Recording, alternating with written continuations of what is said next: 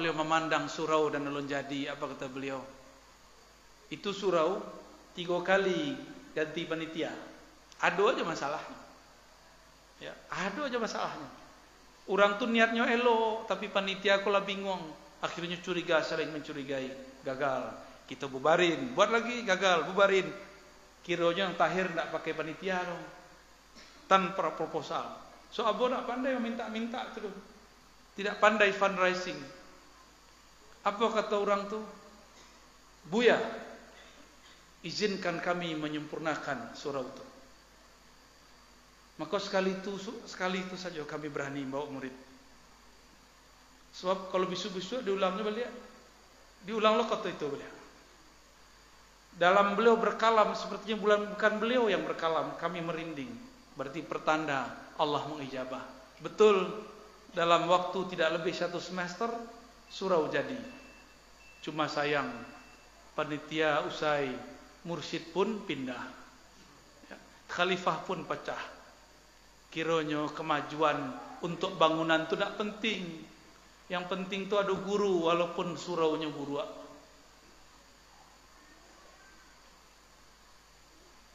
Bapak Ibu yang berkan Allah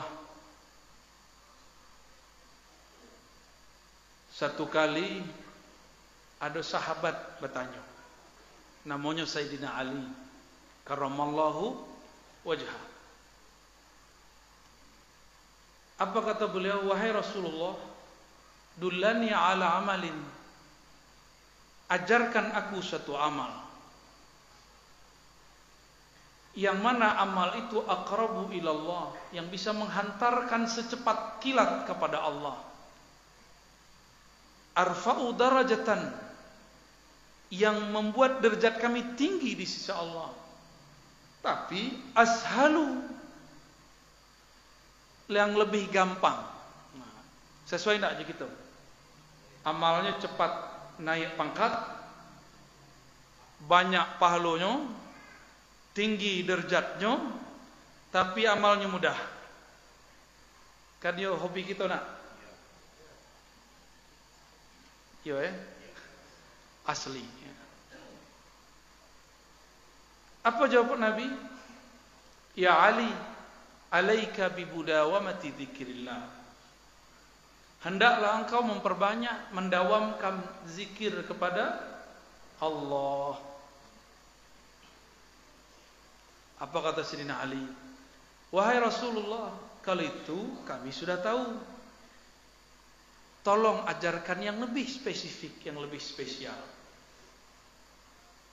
apa kata Rasulullah ya Ali kul la ilaha illallah. Wahai Ali, bacalah banyak-banyak la ilaha. Ali bertanya lah. Itu kami tahu wahai Rasulullah. Tapi tekniknya bagaimana wahai Rasulullah? Lalu kemudian Rasulullah SAW karena sayang kepada saudara sepupu plus menantu beliau. Nabi SAW kemudian menjawab, Ya Ali, aghmid ainaik. Wahai Ali pejamkan matamu lalu bacalah kalimah. La ilaha illallah. Di riwayat lain kul Allah Allah. Itu riwayat hadisnya. Tekniknya di mana disimpan? Bukan di kitab. Itu ada di kitab Musal Salat yang dikumpulkan oleh Syekh Yasin Al-Fadani Syekh Al-Kushasi Al-Qurani Syekh Umar Hamdan bersambung kepada Sayyidina Ali, bersambung kepada baginda Rasulullah sallallahu alaihi wasallam. Hadis itu kemudian dikenal dengan istilah hadis talqin zikir. Rasulullah baiat Sayyidina Ali, baiat Ali, baiat Sayyidina Hasan Basri terus sampai gini. Jadilah semua ajaran zikir. Termasuk Naqsyabandi. Soal Naqsyabandi itu dua jalur, ada jalur Sayyidina Ali ada jalur Sayyidina Abu Bakar As-Siddiq. Nah, teknik itu tidak ada di kitab, adanya di dalam kolbu para guru. Bapak Ibu, itu tidak boleh dikembangkan di tempat umum kecuali sudah datang isyaratnya. Ya. Akhirnya berkembanglah zikir itu. Berkembang zikir itu dan disebut dengan zikir khafi. Zikir apa? Zikir yang samar, lembut di dalam kolbu.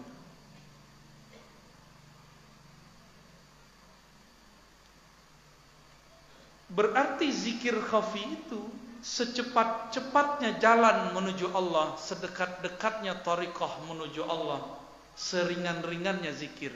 Lidah dikunci, mulut ditutup, mata dipejam, hanya di kalbu membaca nama Allah. Ringan tak tuh? Sangat ringan. Kalau disuruh baca la ilaha seratus kali, kan orang banyak dan dan keberatan. Tapi kalau pakai kalbu, kan tidak usah pakai tenaga. Pakai tenaga tak? Enggak, tidak perlu pakai tenaga. Cuma setan itu pintar. Kadang-kadang setan meminjam lisan manusia. Tidak usah belajar zikir, gilo beko. Ya dah. Yo, tadi malu orang belajar zikir gilo. Buya kalian nak gilo aja dulu ya. Beliau-beliau kan belajar zikir sadanya. Orang gilo tu sebelumnya belajar zikirnya lagi gilo. Cuma baru ketahuan setelah belajar zikir. Ampu punya bukti dan data-datanya banyak. Kebanyakan orang tu lah rusak Ai surah rawa sayu. Ah, atu tu tu pak. Ah, putu. Kona italionam. Lalamu lo anak nong itu. Kona italionam.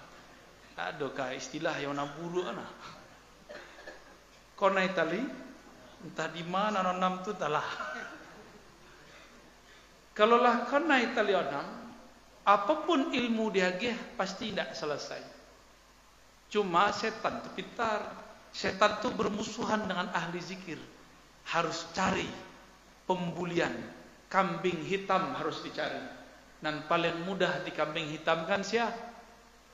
Orang ahli zikir. Soal zikir kau tidak suka membalik. Dituduhnya diam.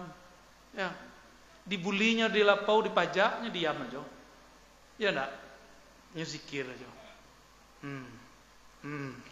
Itu aja kecualinya pendekar. Ahli dalil. Tentunya bisa menjawab. Tapi setan kok pintar pula inyo cari lo kesempatan. Kira-kira dipajak di lokau orang nan duduk tu orang suduk tapi tidak sekolah. Tidak sekolah agama. Uh gampang sekali membulinya cuba jo buyanya kan selesai itu cuba jo tuangku gitu kan selesai itu Itulah pintarnya. Berkembanglah di kalangan awam. Belajar zikir gilo. Pernah gilo ya? Gilo kepada Allah. Sama aja orang jatuh cinta nak. Bapak Ibu yang melakukan Allah, Nabi kira pernah berkalam. Sayyidina Umar lapor ke Nabi, "Wahai Rasulullah, hanya Nabi, ada apa wahai sahabat? Umar tanya. Tu tetangga sebelah kalau zikir bentuk orang ria, bentuk orang gilo. Apa jawaban Nabi? Uzkurullah hatta yaqulul munafikun majnun. Banyak-banyaklah sebut nama Allah sampai orang yang ria, yang munafik menuduh kamu ria ataupun gila. Dua aja. Mengapa ogi-ogi tenolah tu? Ya tak? Lain itu bahasa orang setengah. Tonolah nak pokak lagu lama. Dari ketek kami itu je sejatuh kawan. Kayaknya setan kau nak sekolah dong. Dari tahun 80-an, 90-an itu je lagunya. Hmm, Tonolah nak pokak dong. Ha, tu kan. Gilo itu aja bro. Seharusnya kuliah ni kan. Tahunya kosakata baru. Nah itu kah itu sekecilnya dong. Bapak Ibu, ada kawan kita sekolah di Man, gilonyo. Lah ada orang mengecek kalau sekolah di Man gilo. Lah ada orang ngecek itu tak? Tak. Ada kawan kita ini jatuh cinta, putus cinta, gilonyo. Lah ada orang mengecek jangan jatuh cinta le yuang pia gilo beko. Malah ketujuh bertambah ompong tambah gata ya, tambah keriput, tambah centil. Apa istilahnya? Mantia. Cantia. Itu yang terjadi.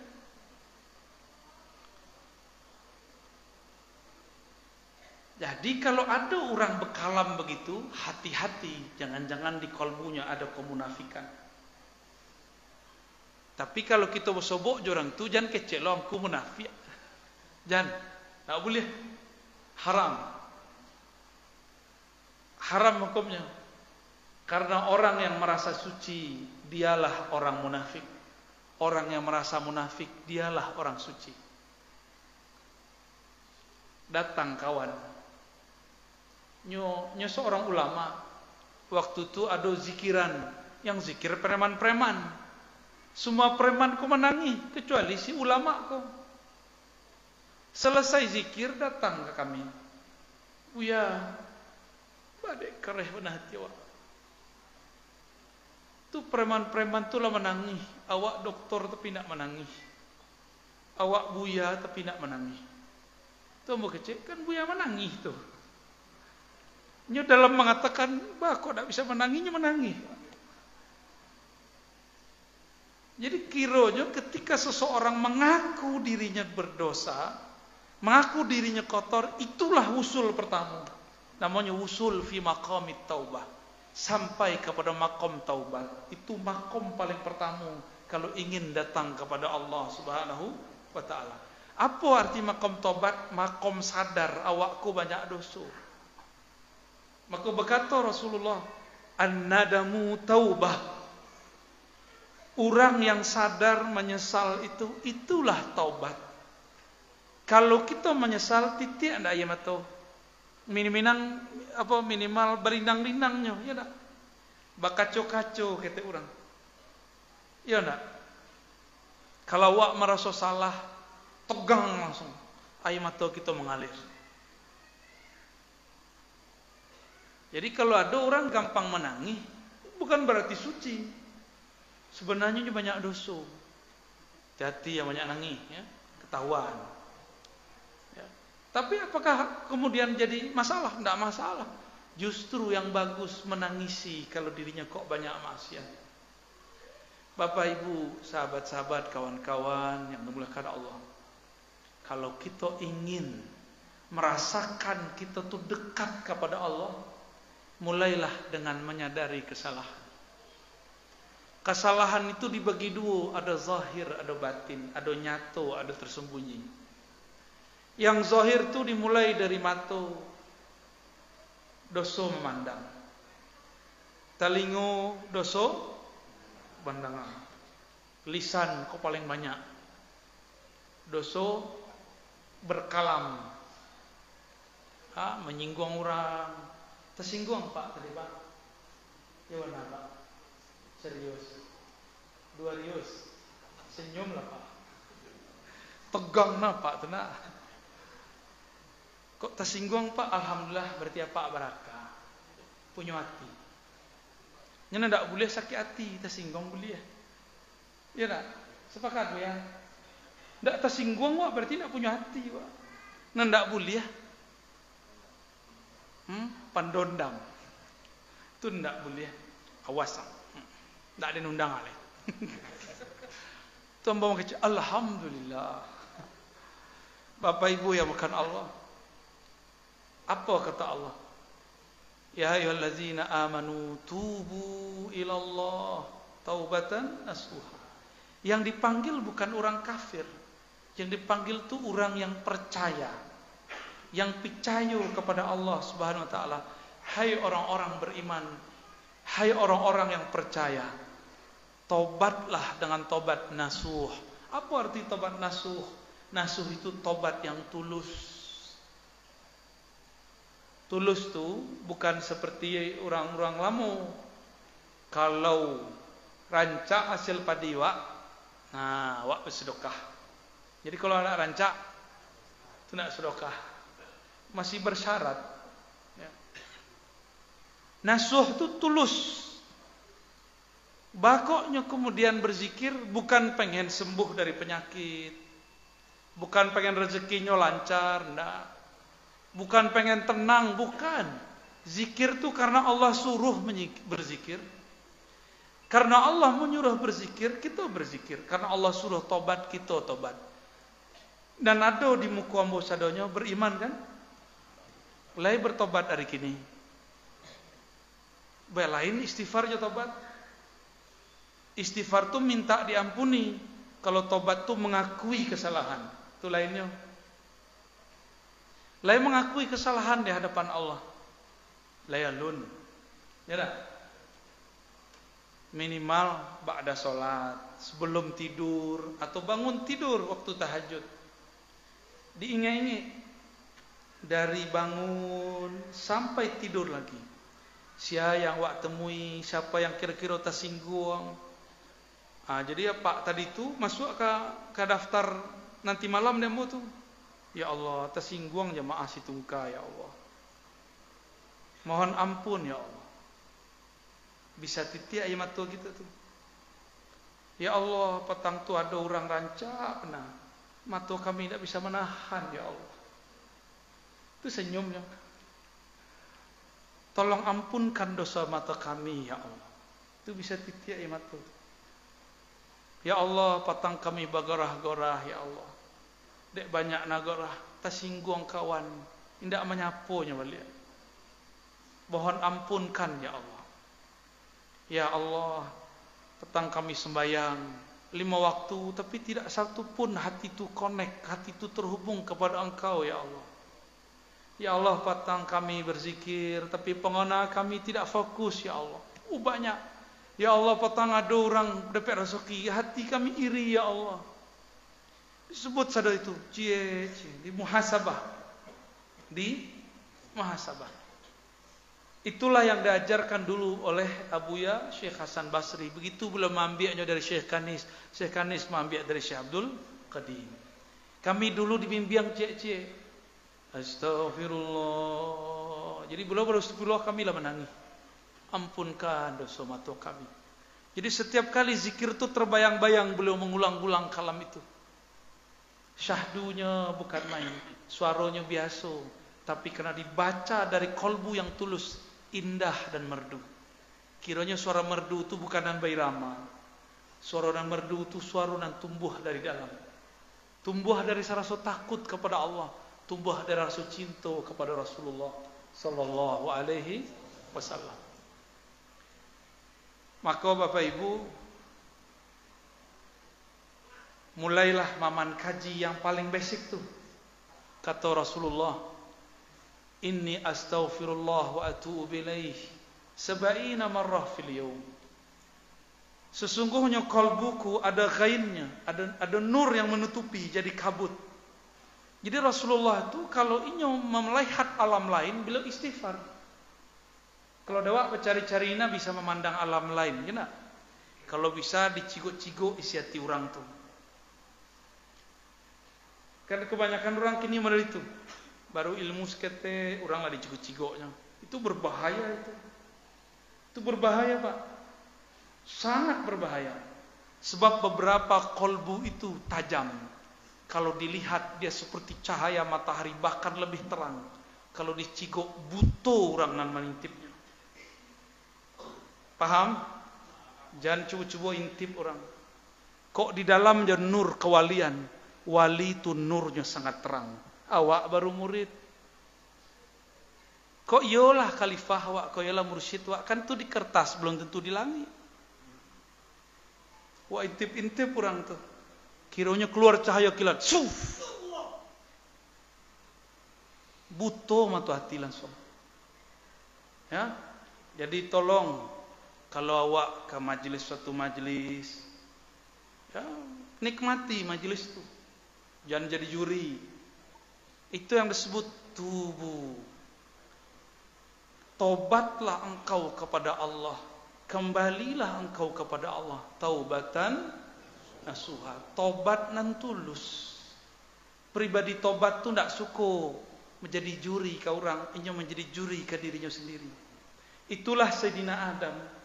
Ini yang sering kami hikayatkan dalam khutbah-khutbah. Nabi Adam tergelincir salah di surga fa'azallahumas syaitan maka Adam Hawa digelincirkan oleh syaitan. Tapi ketika Nabi Adam turun diusir dari dari surga Nabi Adam menyalahkan siapa? Menyalahkan syaitan atau menyalahkan dirinya? Masih hafal doanya Rabbana zalamna. Ya Allah kami nan salah ya Allah. Kami berdua Adam jo Hawa yang salah ya Allah. Lah tahu itu iblis. Iblis itu kan puluhan ribu tahun di surga. Sehingga berjualan.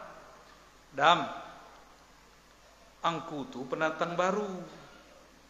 Dan ndeyen aku ini sudah puluhan ribu tahun di kampung surga ini semua pohon-pohon buah-buah di sini itu boleh dimakan.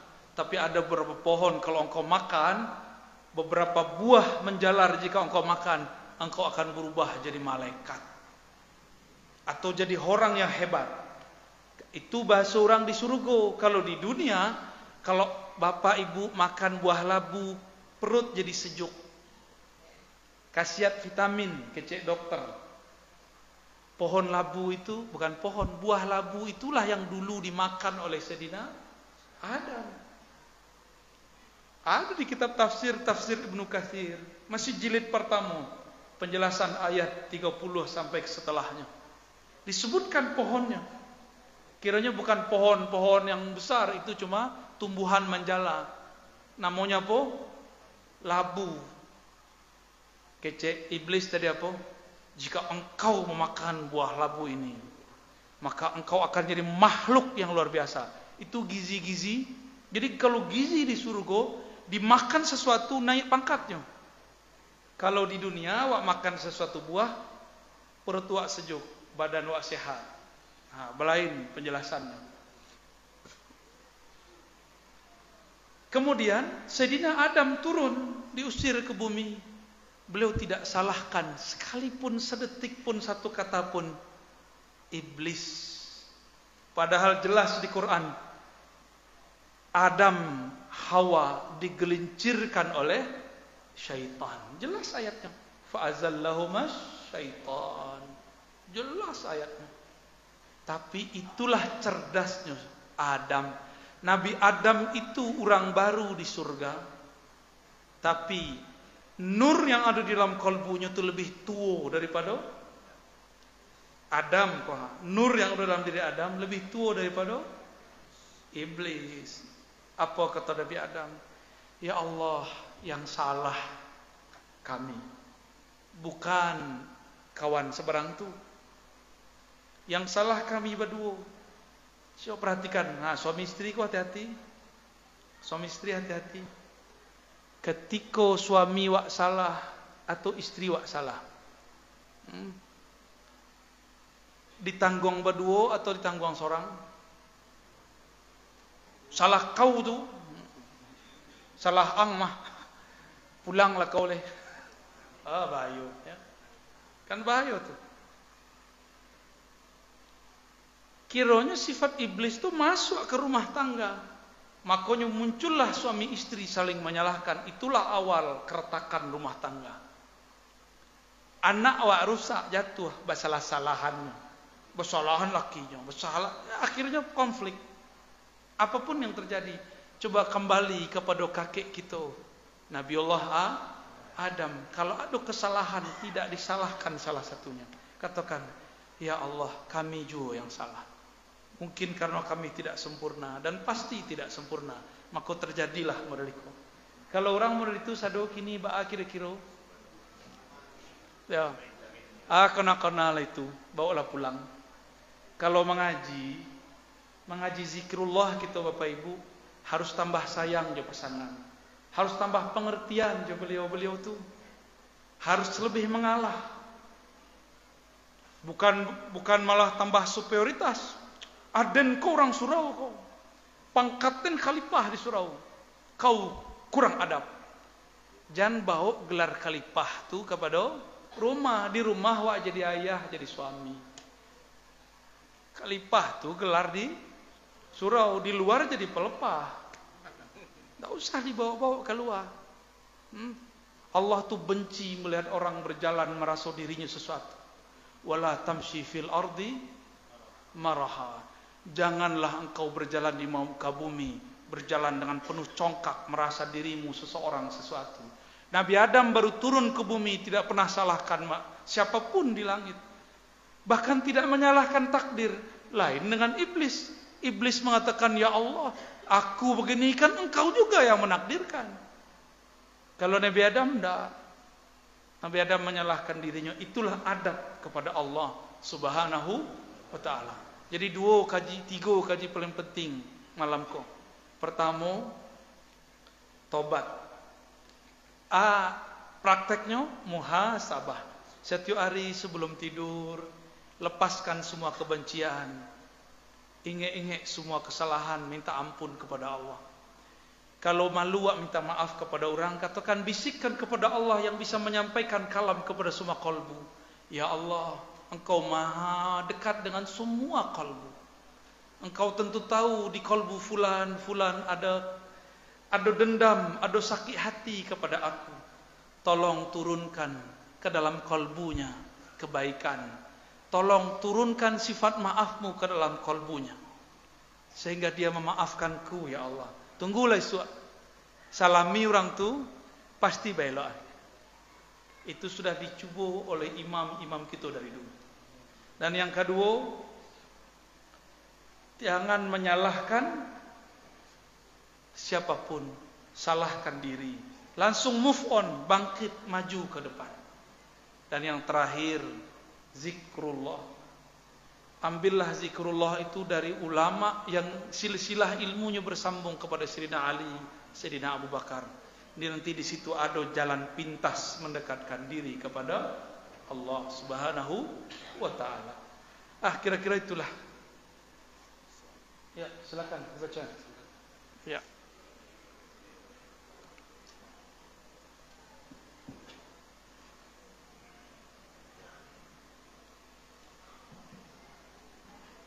Nah, baginlah itu tadi itu. Apa tadi itu keranjang itu baginlah. Silakan Pak, silakan. Hmm. Assalamualaikum ya. Assalamualaikum. Bagaimana caranya untuk khusyuk beribadah, terutama di dalam sholat? Yang kedua, Apakah Yudas Iskariot itu dajjal? Terima kasih. Cara khusyuk menempatkan sesuatu pada tempatnya. Kami sudah jawab ini di berbagai tempat ya. Khusyuknya mata ke tempat sujud. Khusyuknya kepala ke tempat sujud. Khusyuknya kolbu kepada Allah. Nama Allah. Khusyuknya ruh merasa memandang atau dipandang oleh Allah. Kalau ulun bisa minimal sampai di kolbu. Maka untuk mendapatkan khusyuk tidak ada jalannya kecuali mengambil talqin zikir kepada ahlinya. Belajarlah ke guru-guru kita di sekolah mursyid-mursyid. Ambil ilmunya kepada beliau-beliau itu. Nanti ilmu zikir itu masuk ke dalam minimal sampai di khusyuk kolbiyah. Khusyuk apa itu? Khusyuk kolbu menyebut nama. Penciriannya mulai dari awal takbir sampai assalamualaikum nama Allah itu tidak tidak berhenti di kolbu. Nanti lama-lama geraknya hilang, yang muncul hanyalah cahayanya. Terasa seperti ada kalimat Allah di kolbu. Tapi ingat, lafaz alim lam lam ha bukanlah Allah. Itu cuma nama Allah. Itu tidak boleh disembah. Yang disembah dan punya nama, bukan namanya. Hah? Apakah Yudas Iskariot itu dajjal? Betul. Yudas Iskariot adalah Samiri yang menyamar. Ya, lanjut. Bagaimana pendapat beliau tentang adanya peristiwa seseorang yang mengalami bermimpi berjumpa dengan Rasulullah Sallallahu Alaihi Wasallam? Bukan pendapat ambo. Itu kalam Rasulullah sendiri. Man ra'ani fil manam faqad ra'al haq. Hadis sahih Bukhari. Siapa yang bermimpi bertemu aku, dia betul-betul melihat al-haq, real, nyata. Wa man ra'ani fil manam fasayarani yaqzah. Yang telah mimpi ketemu aku, tunggu ada masa engkau akan melihat aku dalam keadaan jaga. Nanti adu masuknya. Dek orang biasa tak tampak. Tapi dek kolbu tampak. Allahu Akbar. Ah, salawat. Allahumma salli ala Sayyidina Muhammad. Allahumma salli ala Sayyidina Muhammad. Allahumma salli ala Sayyidina Dah, buka mata lihat. Nah, lanjut. Selanjutnya bagaimana pandangan Buya tentang COVID yang saat ini melanda COVID. Bagaimana hukumnya tentang pegang gaya? Pegang gadai ndak usah tanya kamu ya. Lah banyak orang menjawab. Covid itu bukan negeri kita saja yang mengalami. Covid itu seluruh dunia, seluruh negara. Jadi itu bukan konspirasi presiden, gubernur, wali kota, bupati, apalagi wali negari. Konspirasi Pak Wali. Kalian enggak? Enggak. Itu konspirasi global. Apakah ada virus berkembang sendiri? Tidak ada. Virus itu pasti ada campur tangan ilmuwan kepada benda-benda tertentu, material-material tertentu, molekul-molekul tertentu, bahan-bahan tertentu. Jadilah virus. Jadi tidak mungkin nyebar sendiri. Itu disebar. Itulah yang disebut dalam hadis. Allah akan membangkitkan, mengutus imam akhir zaman dari keturunanku apabila muliat al-ardu jawra apabila bumi telah dipenuhi oleh kezaliman-kezaliman. Salah satu kezaliman zaman kini global itu adalah virus. Akhirnya kita dipaksa pakai masker dipaksa vaksin. Syukur negara kita alhamdulillah lumayan leado papiti walaupun tak kayu. Walaupun berutang tapi masih bisa berutang dan dipercaya hutangnya tapi negara-negara di Amerika Latin, di Afrika tidak bisa berhutang. Yang kaya siapa? Orang jual vaksin. Yang kaya orang jual masker dan vaksin. Pak jual vaksin, jual, jual masker Pak. Berarti Pak kayo lah. Minta masker kapak tuh. Bapak Ibu ya bukan Allah, tapi Teori konspirasi itu berbahaya untuk dikembangkan. Apa sebab? Teori konspirasi itu beradik kakak jo hoax. Tahu hoax? Kabar palsu. Ambo hanya berani mengatakan sampai di situ. Selebihnya kami tidak komentar. Jangan dikembangkan lanjutan. Jangan kemudian ini Cina, ini Amerika, ini Jerman. Itu gabungan beberapa negara-negara ahli konspirasi. Jadi bukan hanya Cina, bukan hanya Amerika. Kalau seandainya Cina, mengapain Cina kemudian mengorbankan ribuan rakyatnya? Kalau itu Amerika, kenapa Amerika juga dilanda ribuan, ratusan ribu apa ribuan? Ratusan ribu ya? ya. Jerman kena. Jadi itu bukan konspirasi satu negara, tapi itu konspirasi lintas negara. Jadi mereka itu tidak memandang teritorial negara, mereka hanya memandang menang kalah, ikut aku tidak ikut aku. Itulah kezaliman global. Jadi jangan salah fokus. Tidak usah menyerang Pak Wali karena vaksin. Menyerang bupati karena vaksin. Tidak ada urusan. Mereka itu korban. Justru mereka tidak zolimi. Gubernur itu dizolimi Pak. Sampai ke presiden itu dizolimi sadonya. Percayalah kamu. Ya, menteri-menteri itu tidak bisa berdaya. Jadi kalau Bapak Ibu cerdas, berpikirnya luas, bukan hanya berpikir satu negara. Bukan konspirasi alat PCR dengan Cina, tidak nyambung. Itu konspirasi lebih besar dari itu. Paham? Ya, jadi jangan temakan hoax di WA. Nah, yang WA tuh le, le tahu siapa gue, kan tak tahu siapa gue. Mereka mereka juga. Ambo ndak anti yo satu negara, Ambo anti kelompok global itu. Ambo tidak anti dengan Cina karena di Cina banyak Muslim dan habaib. Ambo tidak anti Amerika karena Amerika ada seorang wali syekh, tidak usah disebut namanya. Ambo tidak anti Jerman, di Jerman ada guru Ambo Syekh Hasan itu. Ampun tidak anti dengan Inggris ataupun Perancis. Kita anti dengan orang yang memusuhi agama Allah Subhanahu wa taala. Jadi harus fokus, jangan salah. Jangan salah. Nanti tahun 2023 2024 kabar palsu mengenai hal ini akan jadikan bahan untuk kampanye. Siap-siap dan Bapak Ibu mungkin lupa dengan wasiat yang mau sampaikan. Selamat lupa ya. Akhirnya orang di pajak di lapau bercakap, orang di grup kemudian live keluar dari grup seperti kejadian di tahun-tahun sebelumnya.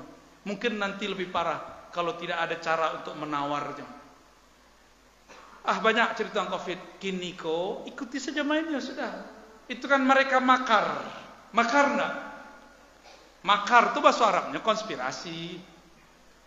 Makar. Allah kan berfirman, "Fallahu khairul makirin. Allah itu lebih cakap, lebih bagus, lebih dahsyat, lebih detail, lebih ganas makarnya, konspirasinya daripada mereka-mereka itu. Jadi disuntik-suntiklah seribu kali, silakan. Kau tubuh awak nak masalah. Yang penting suntikan itu tembus kepada hati. Kalau tembus ke hati jantung, rasa takut muncul. Kalau tubuh kau Jangankan suntikan vaksin ya. Apa lagi? Ya, debus pun dijalani dari orang setuju, orang setuka ya. Itu cuma dabui ya.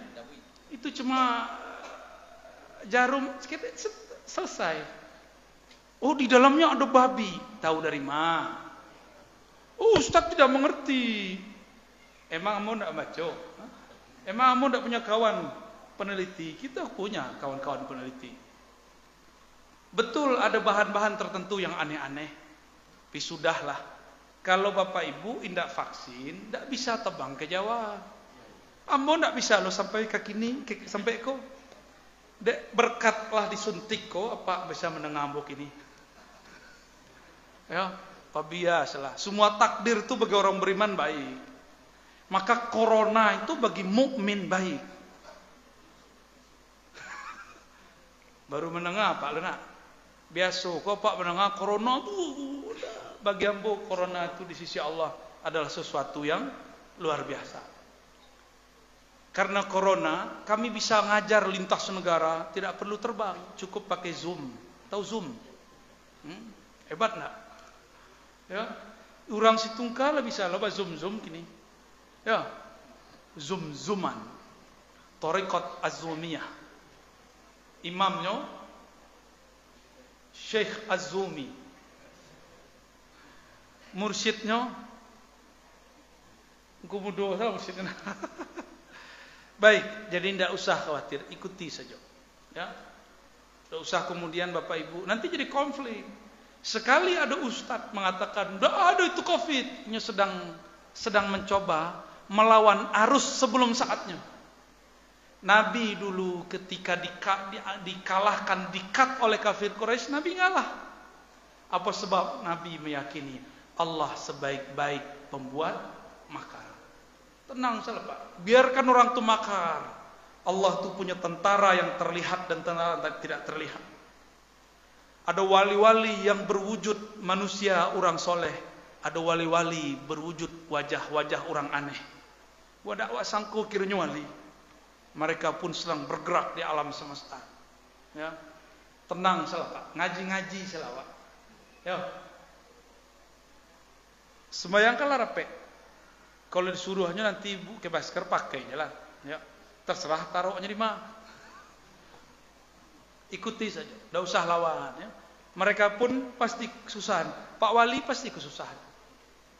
Di zaman itu. Kini beliau lah mulai move on Ya enggak? Tak usah takut Pak Wali. Tak ke dipecat ke Pak Wali tu. Aman Pak Wali. Kalau diturun Pak Wali angkat jadi wali Allah, ya enggak? Amin.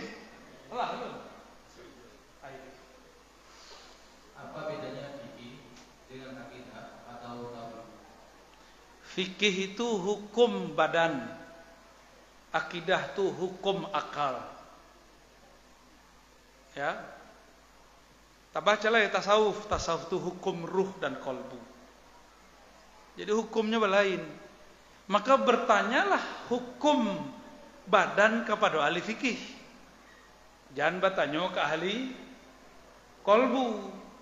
Nanti lain jawabnya. Sebagaimana jangan bertanya tasawuf kepada ahli fikih, mungkin salah jawabnya. Udah pernah belum melihat video? Ada seorang ustaz ditanya tentang tasawuf, akhirnya sesat, zindiq, dolalah, agama sufi, agama baru. Sebenarnya tidak mengerti. Kalau dia mengerti, tidak mungkin dia menjawab begitu. Ya, nah, jadi tanya ke ahlinya, syukur-syukur Buya tu ahli kedua-duanya, ketiga-tiganya. Kamil disebutnya, guru yang sempurna. Lanjut. Pertanyaan ketiga barangkali dikasih satu lama. Izin bertanya Buya. Fenomena yang terakhir ini setiap tanggal 12 Rabiul Awal selalu memperingati Maulid Nabi Muhammad Sallallahu Alaihi Wasallam. Allah Dan setiap selesai sholat Rabu di masjid terutama maghrib, isya dan subuh selalu menjalankan tahlil secara bersama sampai doa secara bersama. Namun belakangan ini terjadi kekurangan atau berkurangnya amalan tersebut secara bersama. Mohon arahan sehingga kami mampu kembali untuk beribadah secara berjamaah. Demikian ya. Pertama, kami kasih yang paling pahit minimalis Bapak Ibu. Yang wajib itu sholat jamaah saja. Apa sholat subuh ya. Sholat maghrib, sholat isya, sholat lima waktu itu yang wajib. Kalau lain nama aja orang sembahyang jamaah, itulah syukur. Kalaupun sudah ikut doa, zikir, tahlil, untuk level satu cukup. Untuk level apa? Minimalis. Tapi kan Nabi bersabda, Aku duduk an ajlisa atau aku udah aku duduk di, di tempat dudukku ini, tempat sholatku ini. Ba'da sholat subuh sampai terbit matahari. Ahabbu ilayya minad dunya wa ma fiha. Lebih aku sukai daripada dunia dan seisinya. Otoana paling rancak di dunia apa? Otoana paling rancak di pekumbuah. Panter. Panter. Ya, termerah. Oh, pak dia. Kalau pak tu lain loh, pak tu lain loh. Anggaplah Ferrari, nah. Yo, Ferrari merah, yo. Barah ragonya pak? Hmm? Berapa M? Tahu nggak berapa M Ferrari?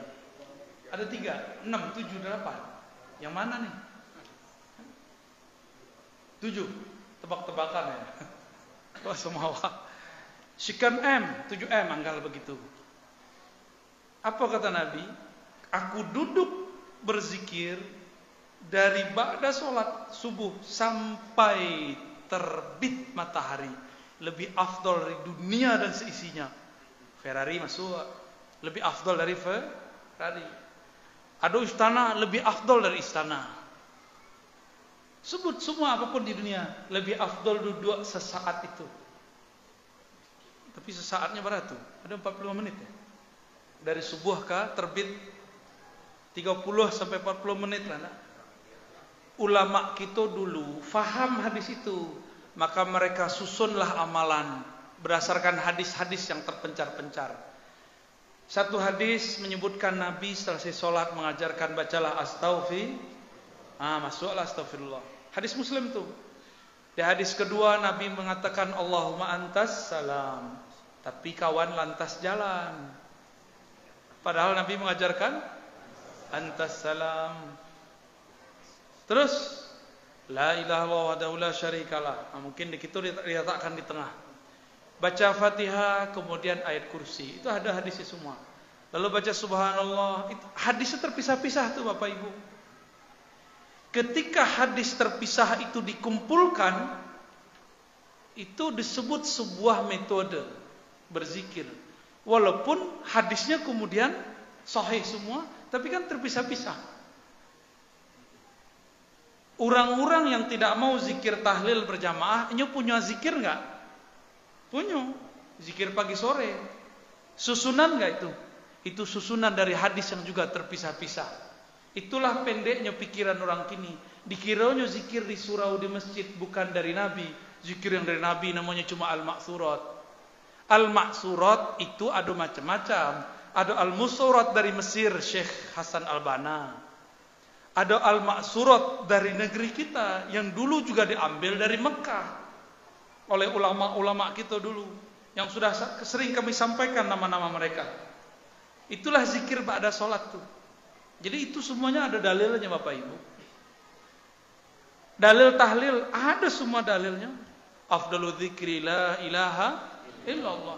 Dalam hadis Imam Nasai disebutkan bahwa Nabi menyebut la ilaha Allah minimal 25 kali ba'da sholat. Ada semuanya. Dalam hadis Ibnu Abbas, riwayat Bukhari Muslim, Nabi mengeraskan suaranya ba'da sholat. Hadis itu digabung, dikumpulkan di ulama, jadilah namanya majelis zikir ba'da subuh, ba'da maghrib. Tapi dek kawan, kajilah batuka. Kaji orang tua belain, kaji kita kini kaji muda. Ya. Kecil je lah malih, tidak usah cari-cari dalil. Ya. Tidak masalah kalau ada awak malih. Awak, awak ngantuk, pahilah. Awak sakit perut, pahilah. Kan ada masalah kan? Jadi kalau ada orang tagak ketika awak mau tahlil, husnuzon gitu. Mungkin inyo makan sambalado, maco. Ya nak? Betul nak? Ya, husnuzon awak ke zikir, masa suuzon? Apalagi awak mimpin zikir. Suuzon dia orang nantaga, akhirnya zikirnya tidak akan nikmat. Bapak Ibu, maka kalau zikir pejamkan mata, tidak usah pikirkan orang-orang tu beyalanya, mau berdua orang, bertiga orang. Nanda nampak kan banyak datang. Piko togak lah bulu bulu kudu apa aku. Bah, jadi yang mau menghimbau jamaah pengen diberkahi Allah. Berkah itu bukan berarti banyak kerja. Berkah itu seketik kerja manfaatnya besar. Dengan doa zikir dari pada subuh sampai terbit matahari, terlambat nak kita pergi kerja. Kan enggak mau berkah. Guru-guru kami di Timur Tengah, di Jawa, itu mereka kerjanya seketek. Zikirnya banyak, tapi berkahnya luar biasa. Kironyo, keberkahan itu ada di buhul-buhul langit. Jadi langit itu ada buhul-buhulnya. Di buhul-buhul itu ada lafaz subhanallah. Di buhul kini, belakang, depan, itu semuanya diikat dengan subhanallah alhamdulillah wala ilaha illallah jadi kalau sudah selesai waktu subuh teruskan duduk. Baca subhanallah 100 alhamdulillah 100 Allah akbar 100 la ilaha illallah 100 la haula wala quwata illa 100 hasbunallah wa ni'mal wakil 100 sallallahu ala muhammad 100 tujuh. Coba ulangi. Subhanallah 100 Alhamdulillah 100 Allahu Akbar La ilaha illallah La hawla wa la quwata illa billah. Sahasbunallah wa ni'mal wakil Cukup tujuh kali. Ditutup solawat 100 Sallallahu ala Muhammad. Rasakan Bapak Ibu dalam tiga hari, tujuh hari Hidupnya lebih bermakna. Ya, Yang merasakan itu sudah banyak. Itu disebut dengan zikir buhul alam semesta. Bahasa Arabnya makalidus samawati wal ard. Orang kalau zikir dengan itu, inyo punya pekerjaan, pekerjaannya diberkahi, inyo punya rumah tangga, rumah tangganya diberi rahmat. Inyo punya anak istri, semuanya diberi berkah. Inyo punya badan, badan yang dijaga Allah Subhanahu wa taala. Lain semua. Hmm, amalkan tiap hari. Ha, ambo izinkan mengamalkannya ijazah secara umum, ijazah ammah dan boleh diajarkan ke murid-murid dimanapun. Ya, ajaztukum. Alhamdulillah. Satu soal lagi ya. Bagaimana sebenarnya tadi baru dia jawab. Bagaimana kita untuk taat beramal sementara amal-amal yang dilaksanakan sekarang ada terjadi penyimpangan atau penyalahan makna. Di antaranya itu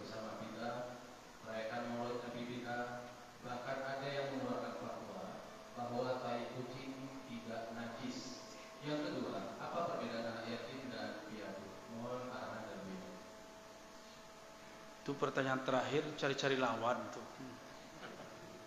Yo. Lah ada lawan di situ. Bapak Ibu di mana pun di tempat mana pun kelompok itu kini lah dong.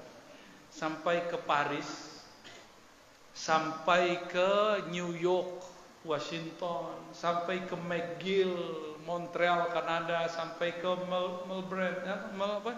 Melbourne. Susah lah nyebutnya. Sampai ke Sydney, kawan-kawan kami kan lapor sadanya. Bahkan di Mesir.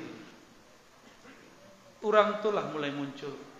Al-Azhar tuh Bapak Ibu, tahu Al-Azhar? Di mana Al-Azhar tuh? Di Mesir. Di mana mau kotanya? Cairo. Kairo. Bahasa Arabnya Al-Qahirah. Al Kairo itu ada satu jamiah di situ universitas namanya Al Azhar. Al Azhar itu akidahnya ahlu sunnah Ash'ariyah seperti yang diajarkan di pesantren kita ya. Mazhabnya ada empat. Kini dominan mazhab Syafi'i. Seperti Darul Ifta. Darul Ifta itu ulamanya banyak bermazhab Syafi'i. Darul Ifta itu lebih tinggi dari MUI gitu. Sebab diakui secara negara, diakui secara hukum. Kalau keluar fatwa, fatwanya ada kekuatan hukum. Kalau MUI mengeluarkan fatwa hanya sebatas saran. Pilihan, tidak wajib. Al-Azhar itu mengajarkan tasawuf. Tarekat diajarkan oleh ulama-ulama Al-Azhar. Tapi kini Bapak Ibu jadi saksi. Banyak orang pulang dari Al-Azhar anti nggak dengan akidah yang diajarkan di sekolah, di madrasah gitu? Anti. Akhirnya udah usah bermazhab fikih syafi'i. Udah usah bertasawuf, bertasawuf itu zindiq. Ya enggak? Tidak usah, ya emang begitu sudah. Jadi apa cara kita? Maka ambo kemudian ke mana pun pergi di wilayah negeri kita, selalu menceritakan silsilah. Apa sebab? Supaya orang-orang kau sadar bahwa amalan yang ada di masjid ini, amalan di surau, di madrasah, di ma'had, itu bukanlah buatan orang Minangkabau, bukanlah buatan orang Indonesia, tapi itu dibawa langsung dari Mekah. Itu maksudnya. Tidak lebih Bapak Ibu. Ambo menjamin amalan yang ada. Baik yasinan, solawatan. Solawat itu langsung diambil dari Imam Madinah. Syekh Muhammad Amin Al-Kurdi. Guru dari Syekh Abdurrahman Kumango. Kasih itu membiak dalail Pak. Solawat. Tapi bukan untuk kematian. Untuk amal harian itu aslinya. Cuma dek kita masih syukur amal kematian daripada tidak ada sama sekali. Itu amalannya harian, makanya ada Senin sampai Senin lagi. Coba yang bisa bahasa Arab, adakah di situ tertulis ini kitab solawat untuk orang kematian kan ada. Tapi ulama kita dapat isyarat. Dulu ada seorang imam didatangi oleh seorang anak muda mengadukan perihal ayahnya ayahnya mati suul khotimah, hitam legam wajah ayahnya hangus. Entah di entah ditembakan jo petir, ah petir bahasa Siko potu. Potu. Buru nah potui ya. Kalau potu tu orang kota nampe itu. Ketonan godang itu potu tu Pak. Kota nampe potui. Entahlah, ya lupa Pak. Entah pakai apa lah. Malaikat maut mencabut nyawanya. Mungkin ditembaknya itu pak. Mungkin dibawanya kapak yang ditonton di anak-anak di Thor tuh. Tung. Itu, itu khayalan pak ya. Nggak asli itu. Malaikat maut nggak tahu memperlakukannya apa. Sehingga gosong. Dilaparkan ke Imam Ibnu Arabi. Ibnu Arabi ahli zikir. Ibnu Arabi kunjungi, dilihat. Ya Allah hangus. Maka beliau mulai dari awal berjam-jam salawat. Lalu selesai salawat menjelang subuh. Apa kata beliau? Ya Allah, tolong hadiahkan pahala salawat ini untuk orang nan mati itu. Ditiupnya. Ditutup dengan kain. Besok pagi dibuka sama anaknya. wajahnya kembali seperti semula, cuma sudah meninggal. Berkah berso, itulah rasionya bako ado selawat menuju amin. Mungkin kawan tu wajahnya sudah bercahaya, kan jidatnya bercahaya juga. Ya. Cahayanya nak tahu lah warnanya apa ya. Akhirnya tidak butuh selawat, tidak butuh yasinan, tidak masalah. Yang penting jangan salahkan kami. Ya, kami sampaikan kepada yang anti yasinan, silakan tapi nggak usah ganggu kami yasinan. Karena dalil yasinan banyak. Iqra'u yasin ala mautakum. Oh Ustaz, ente nggak ngerti hadis dhaif. Dhaif kata siapa? Kota Albani. Oke, Albani itu siapa? Ulama yang baru wafat 1999. Jauh sebelum itu Imam Abu Dawud, murid dari Imam Ahmad, kawan dari Imam Bukhari, menganggap hadis ini tidak masalah. Jauh sebelum Albani ada Imam Ibn Hibban menulis kitab Sahih Ibn Hibban menganggapnya sahih bukan karena sanatnya tapi karena itu diamalkan oleh ulama salafus soleh. Katanya kalau ada salafus soleh beramal kita amalkan. Inilah ada ulama salaf mengamalkan. Bahkan tidak beramal juga. Berarti ada perbedaan definisi tentang salafus soleh. Mungkin salafnya belain Jawa. salaf awak Imam Syafi'i, Imam Ahmad, Imam Balik, Imam Abu Hanifah. Salafnya mungkin lain ya. Sape'i kali namanya ya. Ahmad bin Hambal. Tidak Hanbal ya.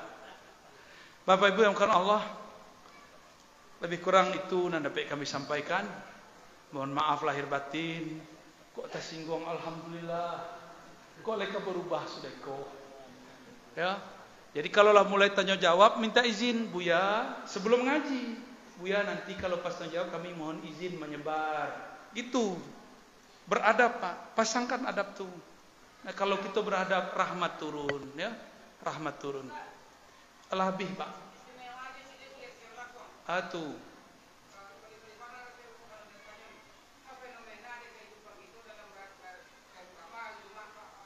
Hmm.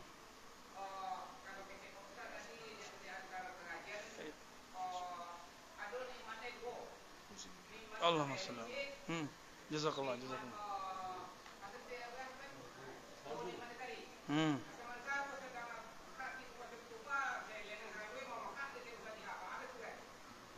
Atu tanyolah ke Buya Saiful. Ambo nak mengerti permasalahan di sekolah. Ya. Nah, insya Allah tajawek dari beliau tu, Pak. Beliau lebih malin dalam fikih daripada ambo. Ya. Beliau tu nanti. Ya. Ke beliau langsung pimpinan pondok, Pak. Ya. Ah, banyak buya, aku buya sebenarnya.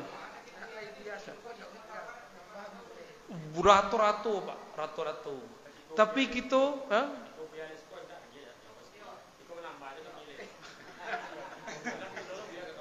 Wah Jumatan berisik itu kan pertanyaannya.